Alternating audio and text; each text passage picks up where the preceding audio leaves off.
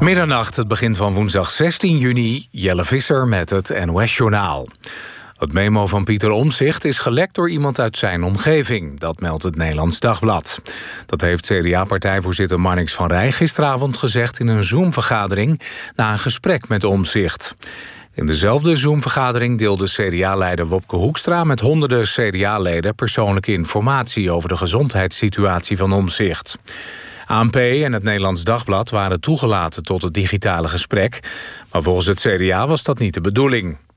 Het memo van Omzicht lekte afgelopen weekend uit. Daarna heeft hij zijn lidmaatschap van het CDA opgezegd. In Elspeet in Gelderland zijn 220 kalveren omgekomen... bij een brand op een boerderij. De brand, de brand brak gistermiddag uit door nog onbekende oorzaak. De brandweer kon niet voorkomen dat drie van de zeven stallen zijn uitgebrand. Gasten van een nabijgelegen camping hielpen bij het redden van de koeien. Nederlandse artsen die mensen met dementie behandelen... hebben grote zorgen over een nieuw Alzheimer-medicijn. Het middel van farmaceut Biogen werd vorige week toegelaten op de Amerikaanse markt. Mocht het middel ook door Europa worden goedgekeurd... dan gaat de Vereniging voor Klinische Geriatrie het niet voorschrijven... aan de grootste groep Alzheimer-patiënten. Dat meldt Nieuwsuur. En dan voetbal. Op het Europees kampioenschap is de kraker Frankrijk-Duitsland in München gisteravond geëindigd in 1-0. In de 20ste minuut maakte Mats Hummel een eigen doelpunt. Daarna scoorde Benzema nog, maar die goal werd afgekeurd door de VAR vanwege buitenspel. Net voor de aftrap van de wedstrijd landde een parachutist op het gras. Het bleek om een stunt te gaan van Greenpeace om aandacht te vragen voor het milieu. In Budapest won titelverdediger Portugal met 3-0 van Hongarije. De eerste goal viel pas in de 84ste minuut. Daarna benutte Cristiano Ronaldo nog een strafschop... en wist hij in de extra tijd te scoren. Het weer, vannacht is het helder en zo'n 13 graden. Woensdag volop zon en een zwakke wind. Het wordt 27 tot 31 graden. Dit was het NOS Journaal. NPO Radio 1. VPRO. Nooit meer slapen.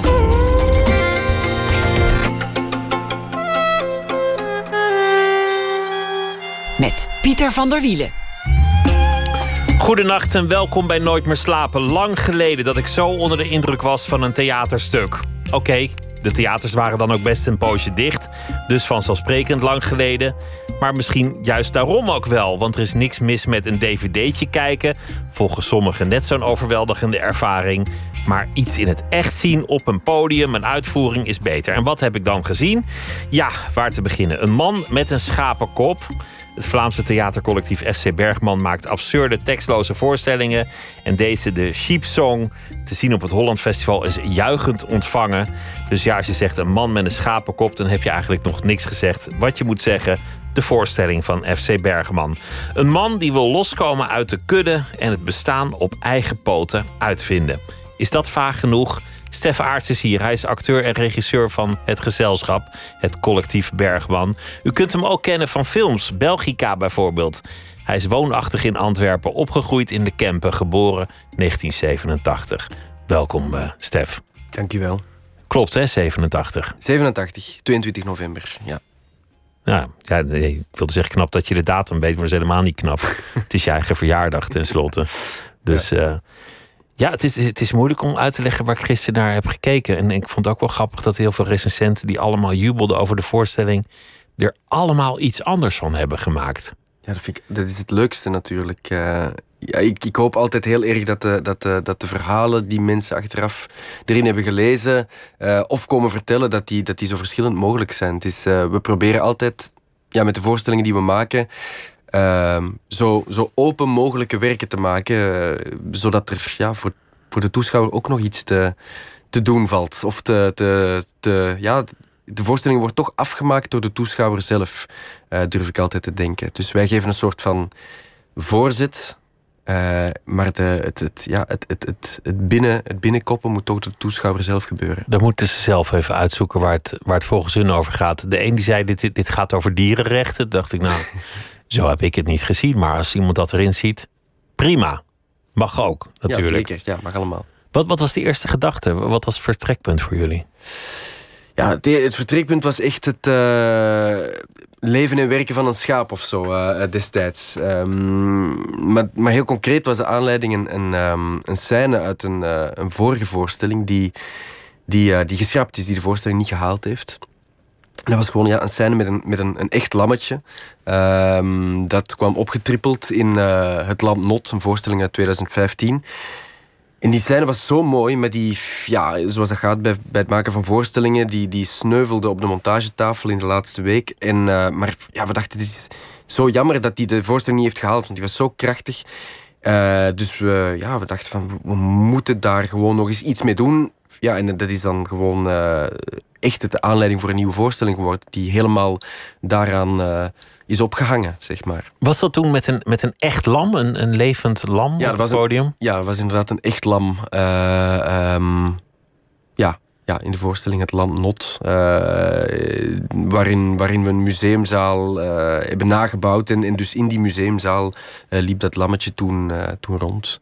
Maar dus nu is het ja, geen museumzaal meer. En, en ook niet maar één lammetje, maar ja, een vijftiental volwassen schapen lekker te regisseren, die schapen ook.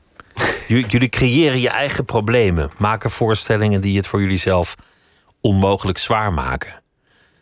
Hoe moet je in godsnaam schapen regisseren? Ja, dat is het werk van de herder, maar hoe doe je dat? Wat voor problemen levert dat op? Ja, um, um, echt regisseren, uh, daar zijn we niet echt aan toegekomen, vrees ik. We hebben wel een poging gedaan in het begin, maar uh, uh, ja, die schapen doen uiteindelijk toch gewoon echt hun eigen, hun eigen zinnetje. En dat hangt ook heel, heel erg van de, van, van, van de, de schapen. Van de schapen zelf af. de, de, de eerste of ze een goede avond hebben. Ja, of ze een goede avond hebben. En, en, en, ja, en ook wie, welke schapen het zijn. We hebben, de, we hebben de eerste. We werken wel altijd met dezelfde schapenboer nu. Maar de, de, toen we de voorstelling maakten in volle coronatijd. Um, toen werkten we met, uh, ja, met, met heel rustige, uh, um, ja, beleefde schapen, zeg maar.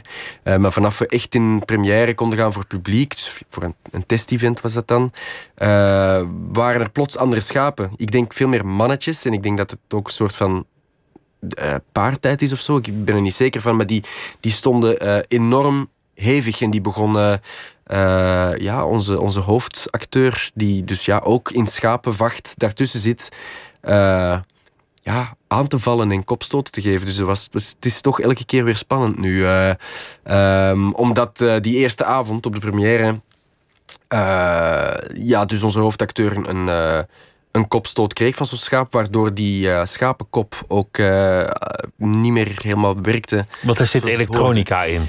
Ja, er zit inderdaad elektronica in uh, die, die, ja, die, die, die, de kop doet bewegen. En die, die elektronica bestuur ik onder andere en nog een paar van mijn collega's uh, met afstandsbediening. Um, maar na vijf minuten voorstelling uh, zei mijn vriendin, die ook in de voorstelling zit, komt er nu rook uit dat schaap, zijn kop. En ik was zo, ik was zo uh, uh, ingenomen met, het, uh, met, met dat gezicht, ja, met, met de besturing van dat gezicht. En ik dacht van ja, inderdaad, er komt gewoon echt heel veel rook uit, uh, uit de hoofd. Ja, het bleek gewoon dat, het, dat er inderdaad een kortsluiting was ontstaan. Dus, de, dus de, de, kop stond in brand met een acteur erin, terwijl de schapen dol werden op het podium. Inderdaad, dus dat was een, ja, een, een gezegende, stevige première. die dus na vijf minuten stilgelegd is moeten worden. Want ja, het was natuurlijk direct paniek. Ik dacht, ja, er, de, de, rook, de, de, geur, het was direct een soort van verbrande rubbergeur. Uh, dus ik ben, ja, ik ben Jonas echt van, van, uh, van podium gaan trekken. Uh, en die, Jonas is, is de, hoofdacteur. Hè, en die vroeg zich ook af, die zit zo ingepakt in dat schapenpak. Dus die, die, heeft, heel, ja, die heeft amper contact met, eigenlijk, met, met de omgeving rondom hem. En die vroeg, ja, wat, wat, is er? Staat er, staat, staat er iets van decor in brand of zo? Wat is die geur? Ja, we stonden ondertussen al met vijf man rond hem. En we zeiden, nee, jij staat in brand. En dus hij, hij, hij schrok zich een hoedje. En we hebben, ja, dat schaap, dat, pak duurt, duurt ongeveer een half uur om dat uh, aan te krijgen. Uh, uit kan gelukkig net iets sneller, maar niet veel. Dus we hebben daar echt als, een, als een gek met vijf man dat pak staan losrukken. Uh, en ja, vanaf we natuurlijk Jonas hadden gezegd dat hij in brand stond, was hij er zelf ook niet meer heel uh, rustig onder. Heeft hij die, die kop dezelfde avond nog opgehad? Ja, en wel echt uh, vijf minuten later. Terwijl uh, hij, vanaf hij wist dat, er, dat hij in brand stond, begon hij het ook te voelen. Uh, en het was uh, gelukkig niet zijn hoofd zelf, maar wel zijn, zijn rug die begon te branden. En we hebben, die, ja, we hebben, de brand er net op tijd. Ik heb hem er eigenhandig uitgeslagen. Dus, dus ik, ik heb echt. Ja, ik had mijn hand ook verbrand, want ik heb recht in die vlam ge, ja, gegraaid, zeg maar. Um, maar gelukkig, uh, ja, dus we hebben die elektronica op de première gewoon niet meer kunnen gebruiken. En Jonas was zo moedig, ik zou het in zijn plaats nooit meer hebben gedurfd. Maar die was zo moedig om gewoon uh, uh, er direct terug in te kruipen en met moed er wanhoop ja, een, een heel gekke première te spelen. Gelukkig. Dit zijn de mooiste theaterverhalen als er, als er iets misgaat. Wat, wat je kan ja, meemaken met zo'n voorstelling. Ja, mooi. Ik heb vele leuke bloopers gehoord. ja, het was, het was, het was een beetje alsof het, alsof het zo moest zijn of zo. Gelukkig waren de avonden nadien een pak rustiger. Ik heb ook wel eens gezien met, met een soort Romeinse kar... dat iemand een tekst moest opdraven... terwijl iemand onder het podium die kar voortrok. En die ging veel te snel, waardoor hij die tekst er echt doorheen moest jassen... omdat elke keer die wagen gewoon drie keer te snel ging. Ja, ja. Dat soort dingen. Het is altijd leuk theater. Ja. De, de voorstelling, want, want, want dit is wat er eigenlijk gebeurt. Er komt een naakte man op...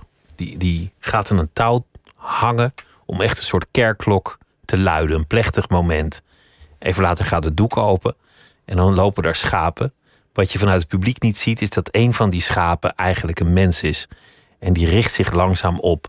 En daar begint het leven van iemand die zich aan de kudde heeft ontrokken.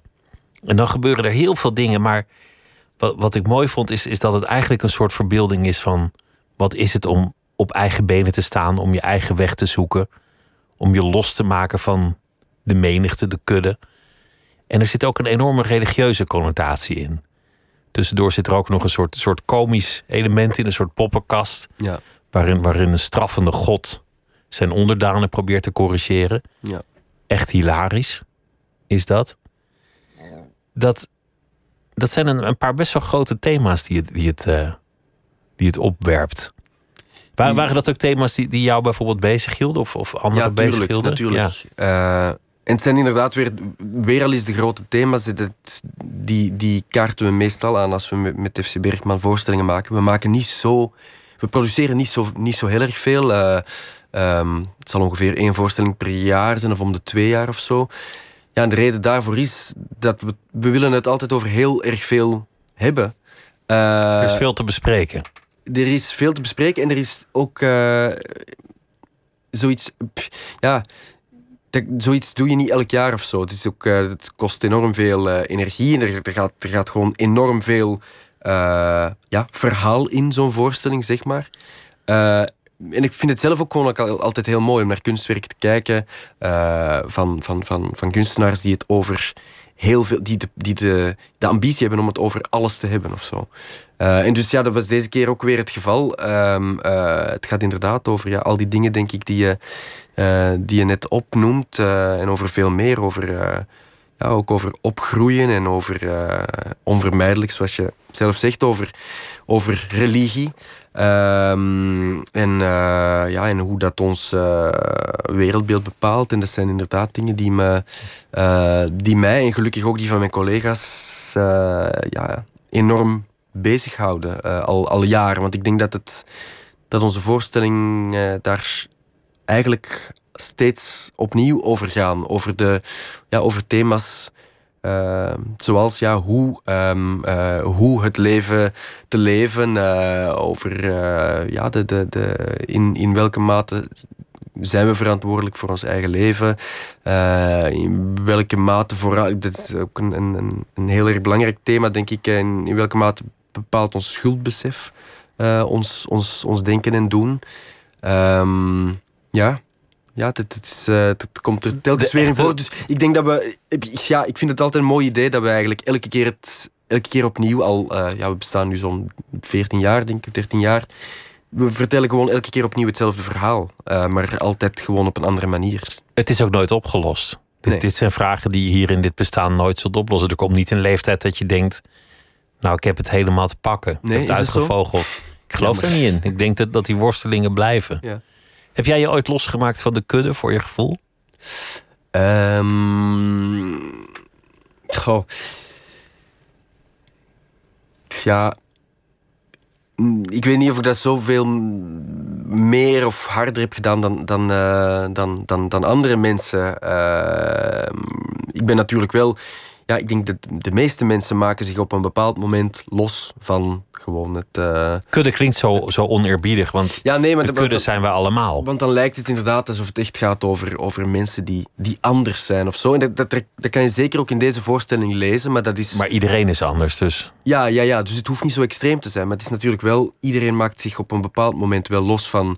Om te beginnen thuis, denk ik. Uh, van, gaat, het nest en, en de ja, afkomst. En, gaat, uh, en gaat, gaat, gaat opgroeien en, en, uh, ja, en mensen ontmoeten. En, ehm, en wordt dan opgenomen in, in, in een groep. hopelijk, soms ook niet. Ehm, maar vanaf je opgenomen wordt in een groep, ja, begin je er deel uit van te maken. En is het vaak dan toch ook weer heel erg... verleidelijk of noodzakelijk om daar weer van los te komen. Dus het is gewoon, een, ik denk, een heel erg natuurlijke beweging. Dus ja, om op je vraag te antwoorden, ik denk dat ik uh, me zeker ook al wel eens van een of andere kudde heb losgemaakt. Maar ik zie dat niet als een soort van uh, um, ja, heel, heel uh, bijzondere of extraordinaire gebeurtenis of zo. Ik denk dat die heel. Gewoon zoals iedereen is. Ja. Puberen en schoppen tegen je ouders. Iets anders doen dan mensen van je verwachten. Ja. Erachter komen hoe je het zelf wilt doen. Opgroeien in de camper, wat, wat, wat betekent dat eigenlijk? voor jou? Wat, wat, wat, wat, wat was dat? Ja, dit was um, een, een heel uh, idyllisch soort van opgroeien. De Kempen zoals ik dat ken uh, uit de jaren 80, 90 was een, een nog vrij rurale plek. Uh, um, natuurlijk de, was de, de, de, de verstedelijking al, al uh, van, van, van al die dorpen, Vlaamse dorpen, al volop aan de gang. Maar, maar ik herinner me wel een, een, um, ja, een, een, een, een huisje omgeven door velden en uh, waar ik gewoon zorgeloos uh, ja, gewoon buiten kon spelen tot het donker werd enzovoort. Iets wat, ja, als ik nu naar het huis van mijn ouders ga, daar, daar, daar zijn geen weiden meer te bekennen. Het is gewoon allemaal volgebouwd. En ehm, ja, op een bepaald moment is er natuurlijk begin jaren negentig, er was al een tijdje aan de gang, maar er zijn een hoop nare dingen gebeurd in België. Um, en ik denk dan vooral uh, wat ik heel bewust heb meegemaakt, heel de, de, de Dutroux-affaire. Um, ja, dat zorgde toch voor een enorme deuk in die zorgeloosheid. Uh, in de eerste plaats natuurlijk bij, de, bij, ja, bij volwassen mensen, bij ouders. Maar dat straalde onvermijdelijk af op, uh, op, de, op jeugd en op de kinderen. Dus de angst slopen ook jouw leven in? Ja, ja in zekere zin wel. Uh, um, ik weet niet of dat, dat door, net door die specifieke gebeurtenis kwam. Die waren natuurlijk wel heel heftig. Maar misschien is, dat ook, is ook dat gewoon uh, onderdeel van opgroeien. Uh, het zich bewust worden van, van, uh, ja, van, van gevaren en, en, en angstiger worden enzovoort. Het was denk ik ook een moment dat België de onschuld verloor. Je had, je had, natuurlijk, je had natuurlijk al de, de, de bende van Nijvel in de jaren tachtig. En je had een aantal heel grote corruptieschandalen. Ja, dus dus de, de, zo, ja. de onschuld was al niet, niet zo heel erg aanwezig. Maar dit was een moment dat, dat in België niemand nog iets geloofde. En dat je werkelijk elke theorie over het bestuur kon ophangen in, in het café. En iedereen dacht, het zou zomaar waar kunnen zijn. Ja, het vertrouwen was echt totaal weg in wat dan ook. Ja. ja, dat was zo. Uh, um, maar ik was natuurlijk nog vrij... Ik was acht jaar of zo, denk ik. Hè. Dus jij stond niet in het café complottheorie nee, op te hangen? nog net niet. Um, maar uh, het heeft me wel... Ik bedoel, ja, het heeft me wel heel erg uh, beïnvloed. En het is, ik, ik, herinner het me echt tot op de dag van vandaag. De, de toch soort van die zorgeloze sfeer die, die, uh, die heel erg ja, verdween. En zoals ik net zei, deuken kreeg. Um, dat had natuurlijk niet heel erg rechtstreeks te maken met de verdwijnende weiden en uh, natuur om me heen. Maar het is ook, ook, ook dan maakte, maakte dat alles iets... iets iets harder werd of iets, uh, ja, net iets minder idyllisch dan ik, dan ik de, uh, de eerste acht jaar van mijn leven uh, door het leven. Dus, dus opgroeien is voor jou bijna alsof je uit het paradijs bent weggestuurd? Ja, een beetje wel. Als een soort bijbels opgroeien? ja, ja, ja, in zekere zin wel. En, daar, en, en daar kwam een zekere bijbelse bewustwording uh, uh, ook aan te pas. Want, want, jullie waren katholiek thuis? Nee, we waren, niet echt, we waren eigenlijk helemaal niet katholiek. Um, maar ik ben wel opgegroeid, zoals denk ik de meeste mensen in, in het Vlaanderen van mijn generatie. Um, wel, ik ben opgegroeid met het katholicisme. Um, wij ja, beschouwden als, ons al heel erg als losgezongen van, van het uh, dogmatische geloof enzovoort. Mijn, mijn ouders waren bijvoorbeeld ook absoluut niet uh, gelovig, maar mijn grootouders nog wel. Ik ben bijvoorbeeld ik ben, ik ben uh, gedoopt, ik heb twee keer mijn communie gedaan enzovoort. Uh, allemaal voor de kerk. Zoals dat toen gebruikelijk was. Niet om, even mijn ouders hebben zich daar ook geen vragen bij gesteld. Dat was ook om de, als een soort van respect naar mijn grootouders, omdat die dat dan belangrijk vonden en zo. Um, maar bijvoorbeeld mijn, mijn, mijn uh, lagere schooltijd en, en, en ook mijn middelbare schooltijd verliepen ook voor een groot deel nog volgens de de maat van de kerk. Mijn, mijn, eerste jaren op de middelbare school um, hadden wij, een, hadden wij een, een, kapel aan de school waar wij ook bijna nog wekelijks uh, ter kerke gingen. Um, en ik, ik heb ook op een. ja, ik, ik, ging met mijn grootouders geregeld naar de kerk. Ik zat bij het kerkkoor. Um, um, dus ja, het maakt gewoon heel erg deel uit van. Het doordrenkt van, religie, ja, toch? Al met al.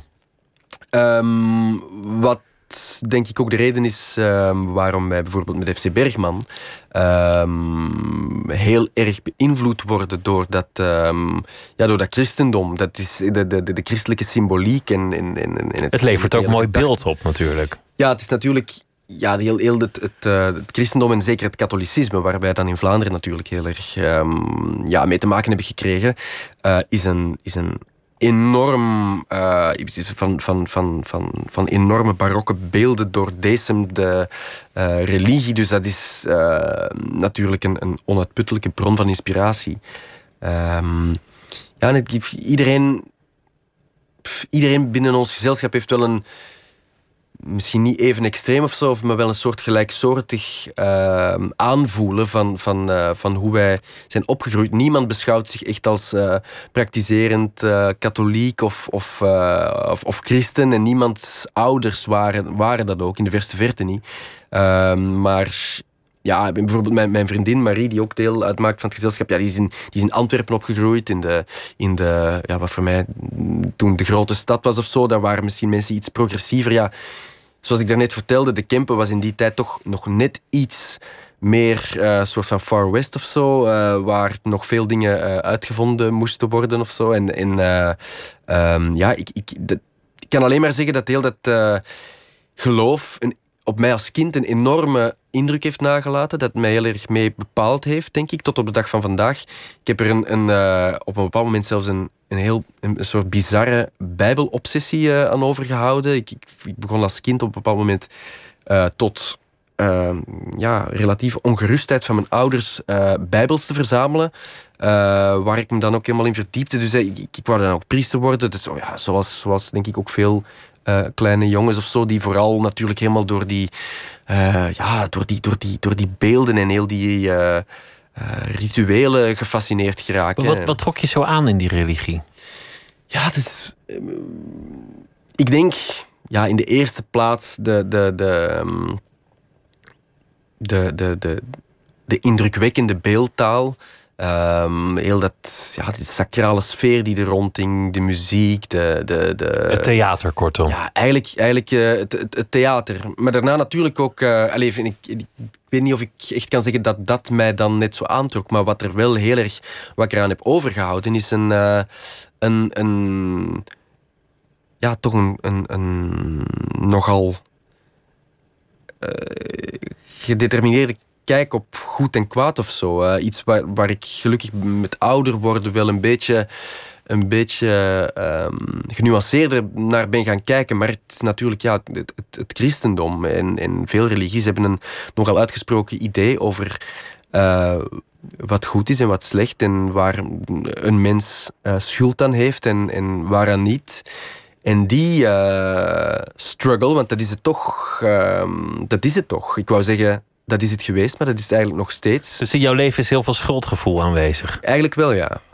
Um, en dat is echt iets uh, wat ik daar denk ik toch aan heb overgehouden. Het is niet dat mijn, dat, uh, dat mijn ouders mij daar uh, zo bewust in hebben opgevoed. Want zoals ik daarnet zei, die waren absoluut niet uh, praktiserend um, religieus. Maar het is wel, ja, dat zijn al, al de verhalen uh, van, van, van, van de Bijbel gaan daarover. En die gedachte, ik bedoel, ja. Over goed, kwaad, straf. Ja, ja, ja. Beloning. Ja, ja en, en, en, en, uh, ja, en over wat zondig is en wat niet. Uh, en ik denk, ja, als je, als je naar de voorstelling komt kijken, ja, jij hebt hem gezien. Um, ja, je kan echt het, ons schaap wordt, ja, wordt al vrij snel, weet vrij snel hoe hij mens moet worden. Het, het, um, dat zal ik nu alvast verklappen. Het, we hadden misschien een voorstelling kunnen maken over anderhalf uur lang over hoe dan een schaap rechtop probeert uh, te lopen. Maar de rechtop lopen, dat is na vijf minuten al gepiept uh, in onze voorstelling. En dan begint de struggle pas. Dat is, ja, dat is het probleem niet. Het, uh, het, het, tot dan ja, zie je een soort van uh, gretig, uh, indrukken opdoend wezen uh, ja, door, door, door de wereld marcheren. Um, maar ehm, dan ja, komen er letters op, komen er gedachten. En vanaf ik kan denken, vanaf ik kan reflecteren, dan begint het al lichtjes fout te lopen. En dan vrij snel komt er een soort van poppenkast die, een, ja, die, hem, die hem toch een soort idee oplepelt over wat wenselijk gedrag is en wat niet. Uh, en dat bij onwenselijk gedrag straf hoort enzovoort. En daar, ja, ik denk dat we dan nog maar een tiental minuten ver zijn in de voorstelling, maar daar begint het heel erg fout te lopen. En dat duurt, dat duurt eigenlijk door tot het, uh, tot het bittere Dat is een van, een van de moeilijkheden die die krijgt, dat schuldgevoel. Wanneer heb jij dat eigenlijk, schuldgevoel? Hoe, hoe uitzicht dat in jouw bestaan? Wat zijn de momenten dat de, de straffende God over je schouder meekijkt? Goh, dit, vind ik een moeilijke om daar uh, uh, concreet over te zijn. Eigenlijk, eigenlijk dit is, dat is iets wat heel erg aanwezig is op vele vlakken.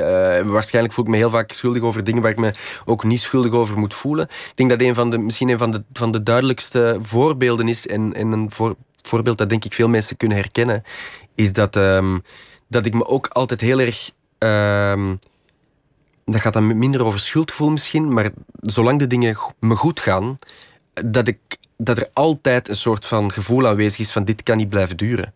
Uh, ik kan zoveel, zoveel geluk verdien ik niet. En dat, uh, dat gaat binnenkort bestraft worden.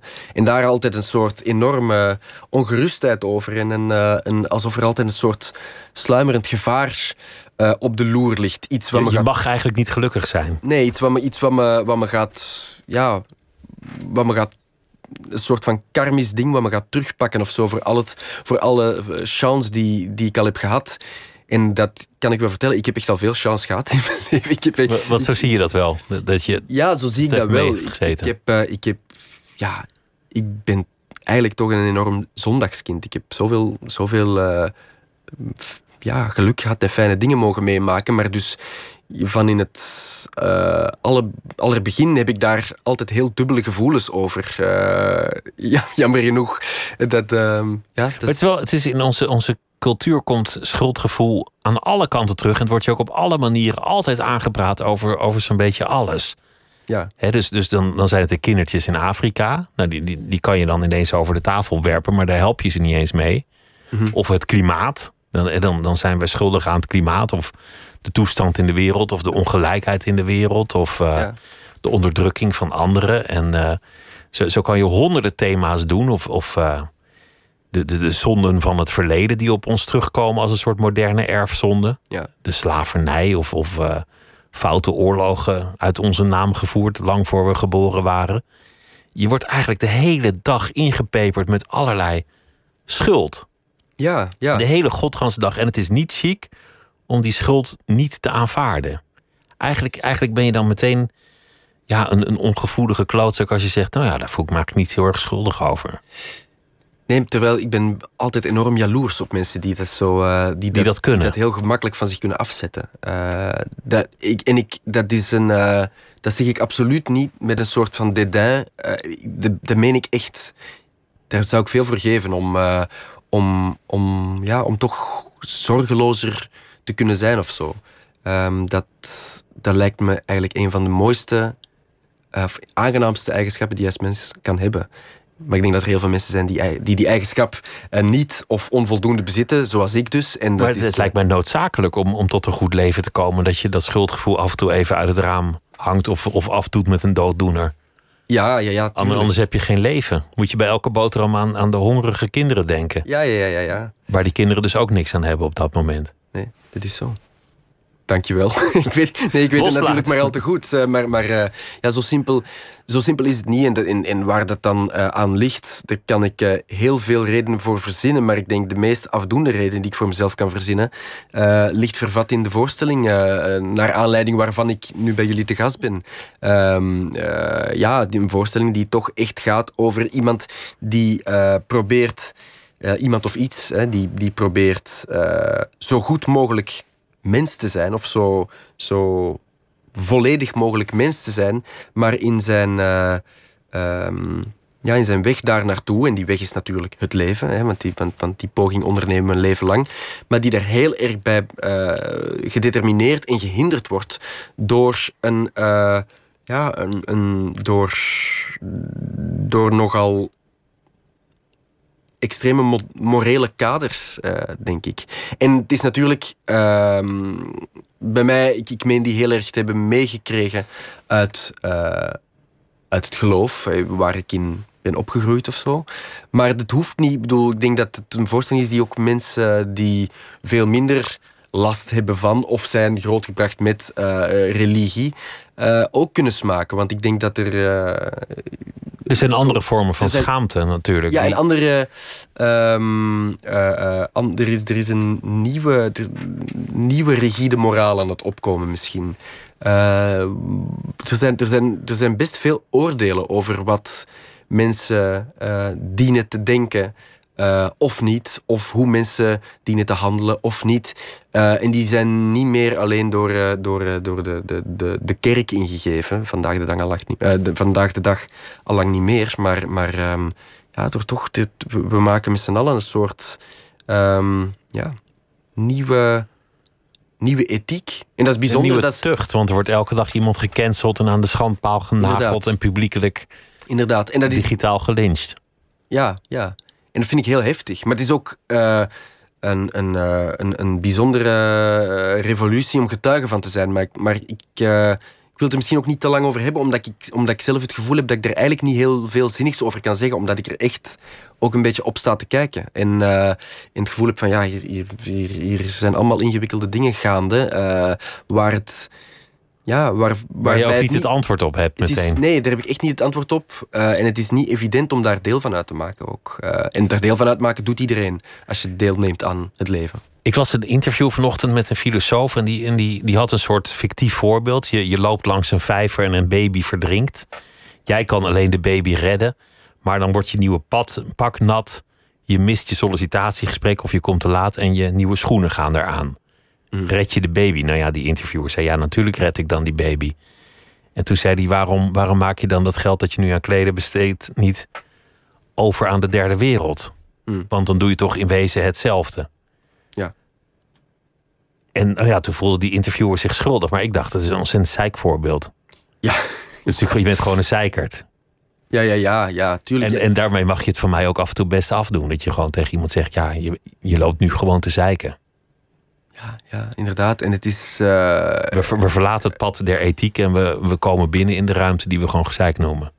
Ja, ja en, en, en als je echt uh, in verbinding staat met met alles of zo. Ik bedoel, we kunnen, dat is natuurlijk het grote probleem. We kunnen in verbinding staan met bijna alles. We kunnen bijna alles weten. Weten waar onze, uh, wat de gevolgen zijn van, van uh, dingen die we doen, investeringen die we doen of die we niet doen, uh, donaties die we wel of niet doen. En dat is dan alleen maar financieel of dingen die we eten of kopen enzovoort. En, dat, en we weten allemaal eigenlijk, als we ons een beetje informeren. En informeren is echt gewoon uh, in, tegenwoordig jammer genoeg een van de simpelste, simpelste dingen die er zijn.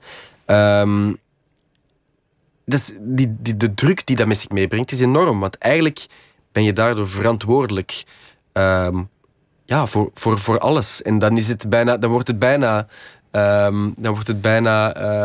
Uh, Ondoenlijk om het toch ja, waar te maken. Bijna, dan wordt het bijna ook. Um, terugverlangen naar een tijd waar er, waar er een, een god was op wie er een hoop uh, verantwoordelijkheid viel af te schuiven. Ehm, ja, alleen, nat natuurlijk is er. Uh, ja. Het is wel mooi, omdat dat een schaap ook meteen een, een soort religieus symbool is. Hè? Van, van de god als de herder. Ja, ja, ja. De, en natuurlijk, de mensen als de schapen. Ja, schaap is een religieus, religieuze metafoor bij uitstek natuurlijk. En, en, en, en, symboliseert zowel de heiland als de, uh, de geofferde heiland als de, mensen, de mensheid zelf natuurlijk. En is daarom een enorm dankbaar figuur om, om iets over te maken natuurlijk. En daarnaast is het ook fijn dat zo'n schaap... Uh, ja, dat staat er ook maar een beetje. Het is, is eigenlijk relatief uitdrukkingsloos. Uh, en dat maakt het bijzonder aangenaam uh, projecteren erop. En dat is natuurlijk heel fijn. Ik bedoel, dat, we maken heel beeldende voorstellingen, beelden die enorm symbolisch geladen zijn. Het is gewoon heel fijn als, als, uh, als het publiek op zo'n hoofdfiguur gewoon, ja, zoals ik zeg, een hoop kan projecteren. Dat is bij een schaap denk ik net iets gemakkelijker als bij bijvoorbeeld een aap of zelfs een hond. Die, die uh, gewoon veel uh, actievere, uh, menselijkere. dus je weet al wat de hond, hond bedoelt. Je had het nu over schuld en, en boete en religie, maar er zit nog een ander aspect aan, aan die voorstelling, zoals ik het heb gezien. Stef Aarts is hier, voor wie net uh, inschakelt van FC Bergman. Ze hebben een uh, voorstelling op het Holland Festival, de Sheep Song. En dat, dat gaat over mens zijn, maar verbeeld door, uh, door een schaap. Een schaap dat zich oprichtte om als mens te leven. Het gaat ook over uitvinden wie je wil zijn. Worden wie je denkt te kunnen worden. En op een gegeven moment erachter komen wat je identiteit zal moeten zijn in dit bestaan. Mm. Wat is bij jou dat moment geweest? Wanneer dacht je, dit is degene die ik moet zijn? Een levende theater bijvoorbeeld. Wanneer, wanneer kwam je daarachter dat dat iets voor jou was? Uh, ja, dat is natuurlijk... Leven in het, in het theater is, is uh, tegelijk slechts een onderdeel natuurlijk van mijn identiteit. Maar dat hoop ik voor je. Ja, maar onmiskenbaar uh, natuurlijk een heel erg groot onderdeel. Hè, omdat het niet, het is niet gewoon een job. Het is ook een... Uh, ja, heeft, een, heeft voor mij enorm veel bepaald en, en, brengt een manier van leven en van zijn met zich mee. En zo. Dus het is inderdaad een, belangrijk, ja, een belangrijk onderdeel van mijn identiteit, kan ik wel zeggen, denk ik. En ja, het verlangen om daar deel van uit te maken, van theater, is er al heel lang. Ik van, mijn, uh, van het moment dat mijn moeder mij begon mee te nemen naar theater. En um, ja, zij heeft daar, zij heeft, mijn moeder heeft een enorm belangrijke rol gespeeld, natuurlijk, in, in, uh, in mijn zin om theater te gaan maken. Omdat zij mij dus vanaf, ja, ik denk een zevenjarige leeftijd of zo, heeft zij mij. Um, zij was zelf enorm cultuurminnend. Dus zij heeft mij echt uh, uh, stad en land ja, meegetroond om, uh, om, om, om, om, voorstellingen te gaan kijken. Niet alleen theatervoorstellingen trouwens. ja, dans en muziek en theater en tentoonstellingen enzovoort. Dus, dus mijn, mijn, ja, mijn moeder heeft daar een enorm belangrijke rol in gespeeld. En vanaf het moment dat ik daar... Ja, ik ben daar blijkbaar bijzonder snel helemaal door ingenomen geweest. Um, en op een bepaald moment, ja, wou ik, wist ik van ja, hier zou ik gewoon enorm graag uh, in willen leven. Of zo.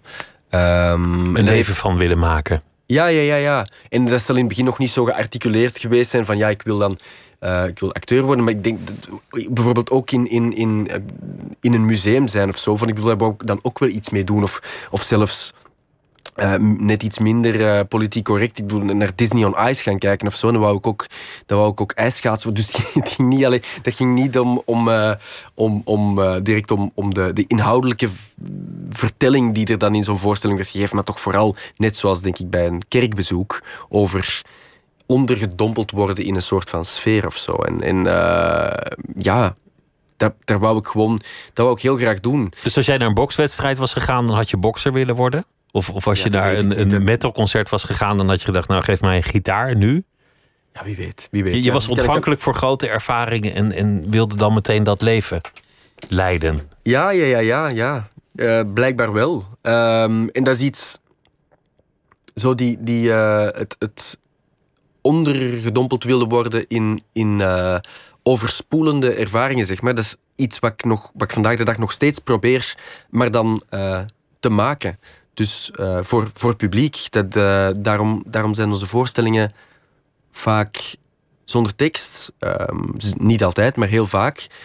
Uh, en ja, noemen sommige criticasters ze misschien een soort van ja, spektakelstukken of zo. Maar dat heeft er heel erg mee te maken met dat ik altijd hoop dat we een soort van uh, rationele, rationele barrière kunnen overslaan. En ja, een beetje cheesy gezegd, recht naar het hart kunnen uh, doorstoten of zo. Waardoor mensen ja, echt een... Overvoer, overweldigd raken. Ja, over, overweldigd lijkt dan net iets te veel... Uh, is een te pejoratief woord, want dan lijkt het echt alsof het alleen maar over effecten gaat, maar wel echt overspoeld geraken. Um, zoals dat dus ook kan, uh, als je voor een, een schilderij van Rothko staat, maar ook um, ja, in een kerk of um, ja, in een of ander concert of zo. Maar dus dat, gevoel van overspoeld geraken vind ik iets dat, is, dat heeft mij er destijds helemaal ingetrokken. En dat hoop ik te kunnen bewerkstelligen bij, bij, bij publiek ook. De stad Antwerpen, wat, wat betekent die voor jou? Want, want jullie zijn eigenlijk zo verbonden aan die stad op de een of andere manier. Hoe, hoe, was ehm, het voor jou om daar, daar te komen wonen? Ja, heel, heel bijzonder.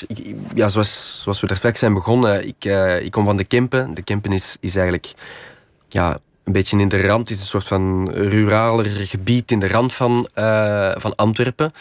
Um, dus ik ben ja, een soort als Kempenzoon dan op het uh, platteland wel opgevoed. Maar, maar, maar mijn moeder, um, zoals ik al zei, ja, hield heel erg van cultuur. En maar ook heel erg van de stad Antwerpen. De, de dichtstbijzijnde uh, grootstad. Om ja, dat woord maar even te misbruiken, want zo groot is de stad ook weer niet. Maar het was de dichtstbijzijnde grote stad. Um, en dus ik ben met haar heel vaak ook naar daar gegaan. En dat was net zoals theater een soort van voeder was, was, het, was de ontmoeting met die stad dat ook. Ik wou daar eigenlijk niet meer weg of zo. Dus, dus het was ook um, vanaf ik daar geweest was, en ik weet niet wanneer de eerste keer was, uh, ja, dat weet ik niet meer. Maar was het zaak om daar zo snel mogelijk terug te komen en daar ook gewoon zo snel mogelijk mijn vaste verblijfplaats van te maken. Dus ik, ik uh, ben op mijn eh, 14 jaar of zo, denk ik, naar school beginnen gaan dan in Antwerpen. en dat was ja, echt een, een fantastische ervaring. Ik, ik, ik, ik wou er ook zo... Ik ben er vanaf vanaf mijn 17 ben ik er gaan wonen. En was ik zo trots dat ik er kon wonen. Um, ja, die, die, die, die stad heeft enorm veel indruk op mij gemaakt. Um, en doet dat nog steeds. Dat is echt een, een, eh, een, een, een verliefdheid die nog steeds voortduurt of zo. Um, ja, en, en heeft mij misschien ook wel mee gevormd in de, de smaak, in mijn, in mijn smaak en zo. Ehm, het, is, het is een stad waar bijvoorbeeld de, de, de, ja, de barokkunst in de lage landen heeft daar enorm hoogtij gevierd uh, door onder andere uh, Pieter Paul Rubens en Jordaans, Anton van Dijk enzovoort. En dat is ook eh, die barokkunst heeft mij als puber eh, ja, enorm beïnvloed. Is, is ook ja, is, is, een, is een, een, beeldtaal die nog steeds doordeemstert in ons, in ons werk met FC Bergman nu. Um, maar, natuurlijk was ik niet alleen, ik was niet alleen uh, um, totaal bevangen door het, uh, door het culturele leven daar, maar, maar evengoed door het caféleven. Uh, wat, ja, wat, wat wat mij ook enorm aantrok. En dat vanaf ik er de kans toe, toe, toe zag, uh, heb ik me daar ook volledig uh, ingestort. Um, nu, nu, moet ik meteen denken aan de, aan de film waar, waar je ook te zien was, Belgica. Ja. Waar, waarin het Belgisch café een prominente rol speelt. Ja, het hoort zo enorm bij België, de kerk en het café. Ja. En, en vooral het, het godsliederlijk zuipen ja, in die, in die zin ben ik toch een, een, eh, een echt Belgenkind dan blijkbaar. Of een echte Vlaming, ja. Ja, ja. Ja, het klopt, denk ik. Die, die, uh, we hebben inderdaad een enorme cafécultuur. In, in, in, in, in elk, elk, op elke hoek van, van, van, van de straat bijna vind je wel een kerk. En daar is dan meestal een café tegenover. En, en de cafés zijn bij ons... Ja, nu begint het een beetje te veranderen, maar alleszins tijdens mijn studententijd waren die nooit voor vijf uur dicht of zo. Dus, um, dus de kerk is om, om het schuldgevoel te, in herinnering te roepen en het café om het eventjes een beetje van je af te kunnen zetten. Eigenlijk de Vlaming in de notendop, ja. Om, om, om dat in balans te houden. Ja. Antwerpen is theatraal een belangrijke stad, omdat bijvoorbeeld uh, Ivo van Hoven, nu echt door, door Amsterdam ingepikt, daar begon gewoon in kraakpanden. Ja. Samen met Jan Verzwijveld, met geen budget uitvoeringen maken en zelf kaartjes verkopen aan de deur. En dat werd toevallig door een paar theaterbladen opgemerkt als, als de revolutie in de toneelwereld. Wereldwijd en nu is het een soort superster. Met David Bowie samenwerken en noem maar op. En uh, alle, alle grote sterren. Maar heel lang was, dat, was Antwerpen de plek waar dat gewoon kon gebeuren. Ja, dat in een klein zaaltje iets totaal nieuws ontstond. Ja, het verhaal van Ivo, hoe Ivo begonnen is, is helemaal hoe wij zelf ook begonnen zijn. Dus ook in, in, in uh, gekraakte hangaars en loodsen. Ja, onze eerste voorstelling is echt. Ons gezelschap is eigenlijk ontstaan naar aanleiding van een vraag van een krakersbeweging. Die, die vroegen of we in een van hun panden iets wouden maken. Uh, en wij deden inderdaad ook alles zelf. Uh, van uh, ja, decor, bouw. En dat hebben we nog lang volgehouden. Uh, van decor in elkaar timmeren. En we, maakten eigenlijk al van vrij in het begin groots opgezette voorstellingen. Ook zonder geld. Maar wel groots. Dus dat, dus dat waren ja, nogal nogal stevige organisatie, ja, organisatorische dingen of zo. In grote, letterlijk grote bouwwerken. Maar dat deden we allemaal zelf. Dus heel erg... Uh, ja, wij herkennen dat verhaal van, verhaal van Ivo en Jan uh, heel erg goed. En ik denk dat zij zichzelf op een bepaalde manier ook in ons uh, herkennen. Wij, we zijn ja, op een bepaalde manier wel uh, bevriend geraakt of zo. Ik bedoel, we, we, we ook hebben, wel samengewerkt inmiddels. Ja, ja Ivo was um, een jurylid uh, op onze theaterschool, het conservatorium in Antwerpen. Dus we kennen hem eigenlijk vandaar. Maar ik, ik heb destijds mijn mijn toneelschoolstages uh, bij ITA, het toenmalige eh, toneel op Amsterdam, uh, gedaan. En ken Ivo daarvan. En, maar we zijn heel erg met elkaar blijven, blijven praten. En um, ja, ik zou niet zeggen dat, dat, hij, dat hij een soort van mentor is, of dat is alleszins niet een rol die hij, die zichzelf heeft willen opleggen. Maar het is wel zo dat hij ons, ja, naarmate wij geprofessionaliseerd zijn en, en ook voor ja, voor, voor stadstheaters zijn beginnen werken enzovoort, ja, heeft hij ons toch vaak gewoon kunnen adviseren en tips kunnen geven. Net zoals Wouter van Ransbeek, zijn rechterhand, de, de, de huidige directeur ook, of co-directeur van, van ITA. Um, dus dat is een heel prettige samenwerking en we kennen mekaars geschiedenis en ik denk dat Ivo dus ook heel erg goed weet waar wij uitkomen. We delen toch een soort van... Hoe dat begonnen is, maar nu nog steeds... verschillende decennia delen we toch een soort van geschiedenis. Wat jullie doen eigenlijk kan het niet. Je, je zou verwachten, uh, eh, FC Bergman komt met, met zes trailers en, en uh, eh, 50 man personeel en tientallen rodies en alles, alles wordt gedaan. Maar jullie doen het met absurd weinig mensen eigenlijk. Mhm. En iedereen heeft een soort dubbelfunctie. De een bedient het pak en speelt nog een rolletje. Ja. En is tegelijk ook nog een, verantwoordelijk voor weer honderd andere dingen. Het, het kan bijna niet omdat iedereen zes handen zou moeten hebben om, om dit klaar te spelen. Ja. Is, is dat ook deel van het plezier dat je, dat je het onmogelijk maakt voor jezelf?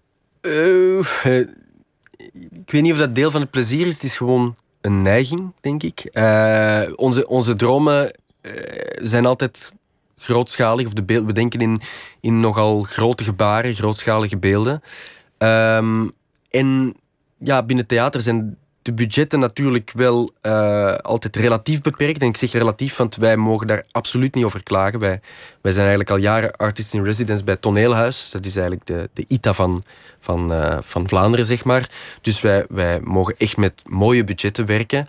Maar dan nog um, moeten we daar nog steeds creatief mee zijn. Omdat onze voorstellingen eigenlijk uh, ja, die budgetten overstijgen, maar we kunnen die, die budgetten natuurlijk niet werkelijk uh, um, ja, uh, overschrijden. Dus, dus is het zaak om het ja, met zo weinig mogelijk, zoveel mogelijk te bereiken. En dus met als resultaat dat wij inderdaad, ja, zoals je net aanhaalt in deze voorstelling, achter scène uh, heel, ja, we spelen eigenlijk te veel rollen tegelijk en bedienen uh, dat schapenpak. En, en ondertussen worden er nog aanwijzingen aan techniek gegeven. Dus het is altijd een soort van ja, te veel willen doen met toch net iets te weinig geld. Maar ja, nogmaals, de ambitie moet hoog zijn. totaal niet over klagen. En het is ook gewoon... Het heeft iets mooi. Ik vind het ook altijd iets heel uh, aandoenlijks hebben of zo. Omdat het op die manier...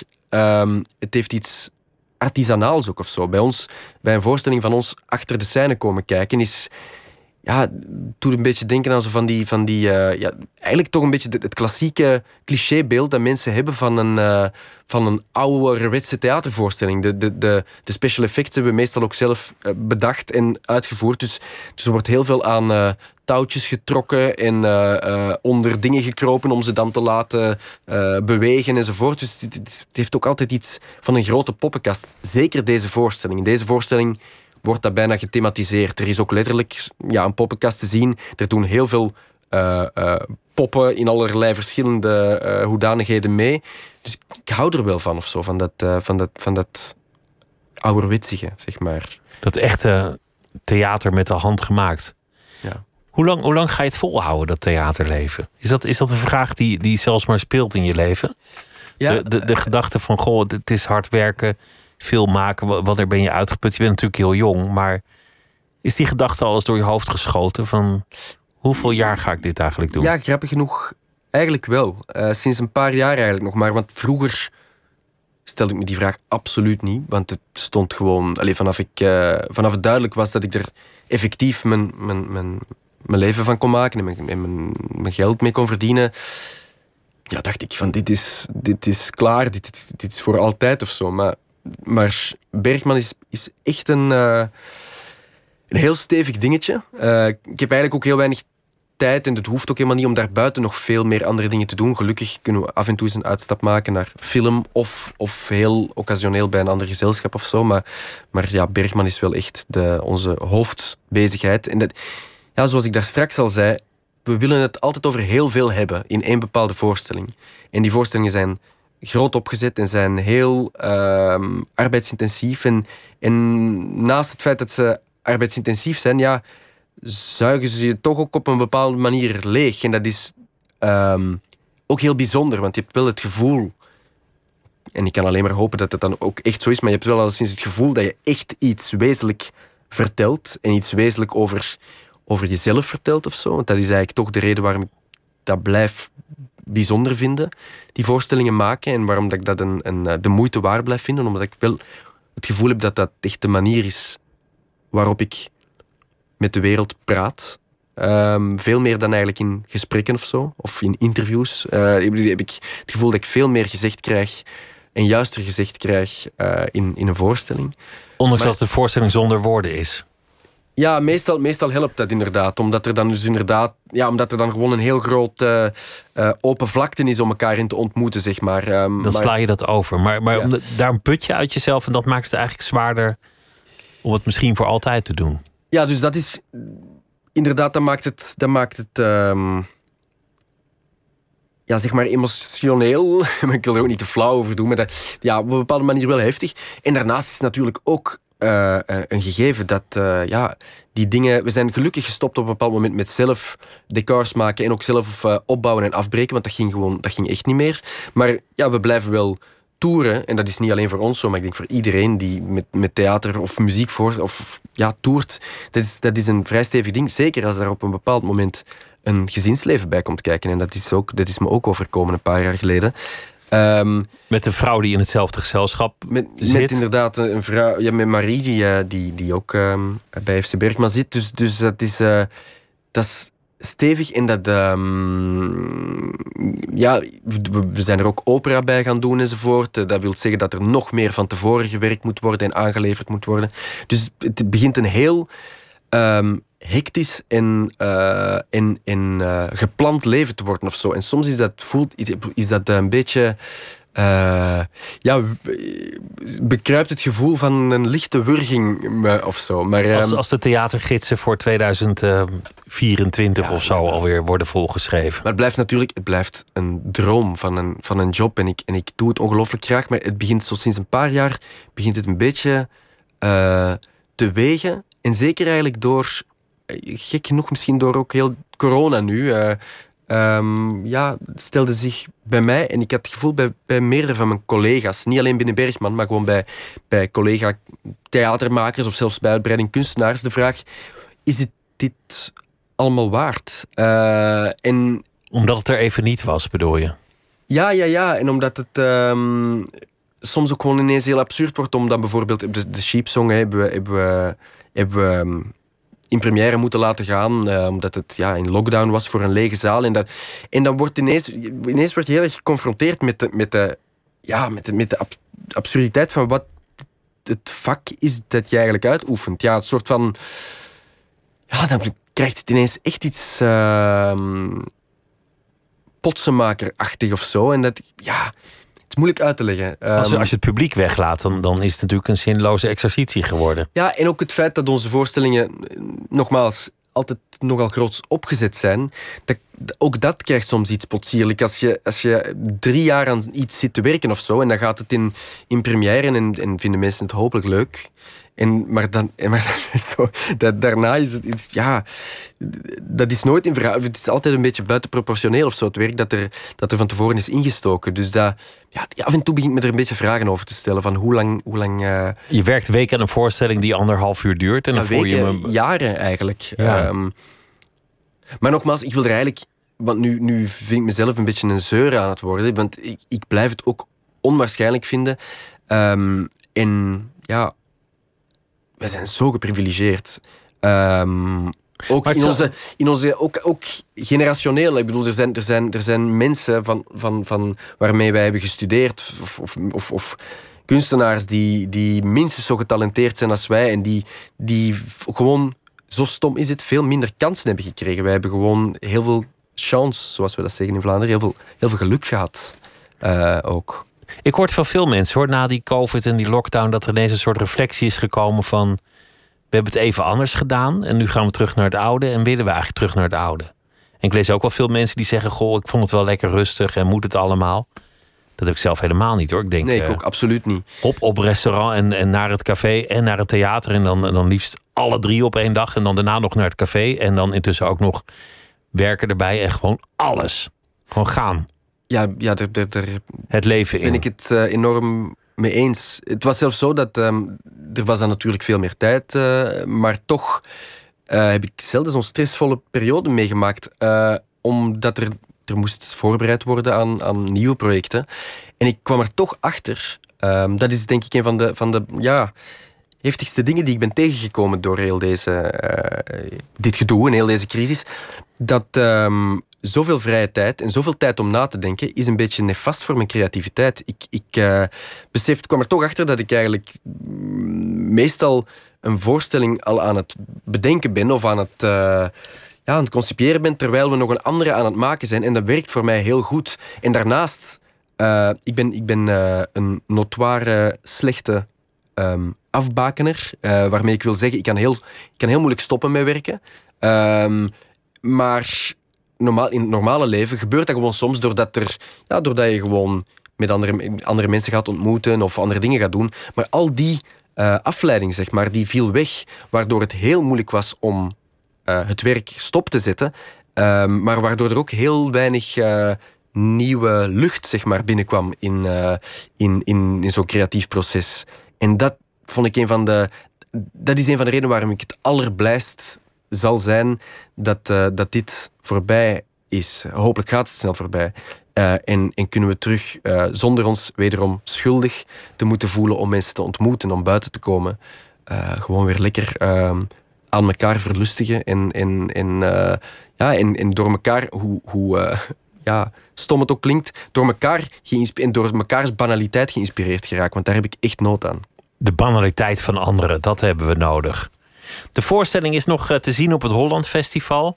En uh, je keert uh, binnenkort ook weer terug naar Amsterdam. Maar dat moet nog helemaal gebeuren met een bewerking van de Toverberg. Zeker, ja. ja daar van, kijken we enorm naar uit. Daar zijn we nu al mee bezig, maar die... Van Thomas Mann. Ja, die zal er pas binnenkort, volgend jaar pas ergens te zien zijn. Ik verheug me er nu al op. Dank dat je te gast wilde zijn, Stef Aarts van FC Bergman. En de voorstelling heet Sheep Song.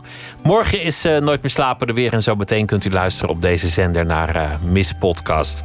Ik wens u een hele goede nacht en graag weer tot morgen.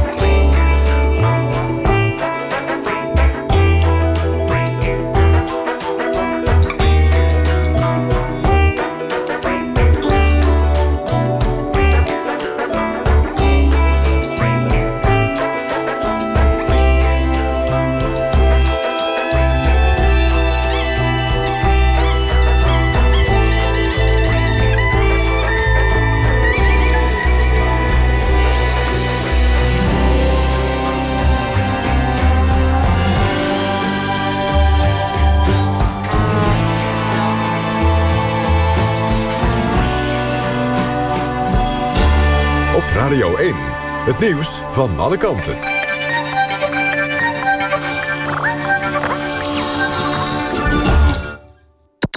NPO Radio 1.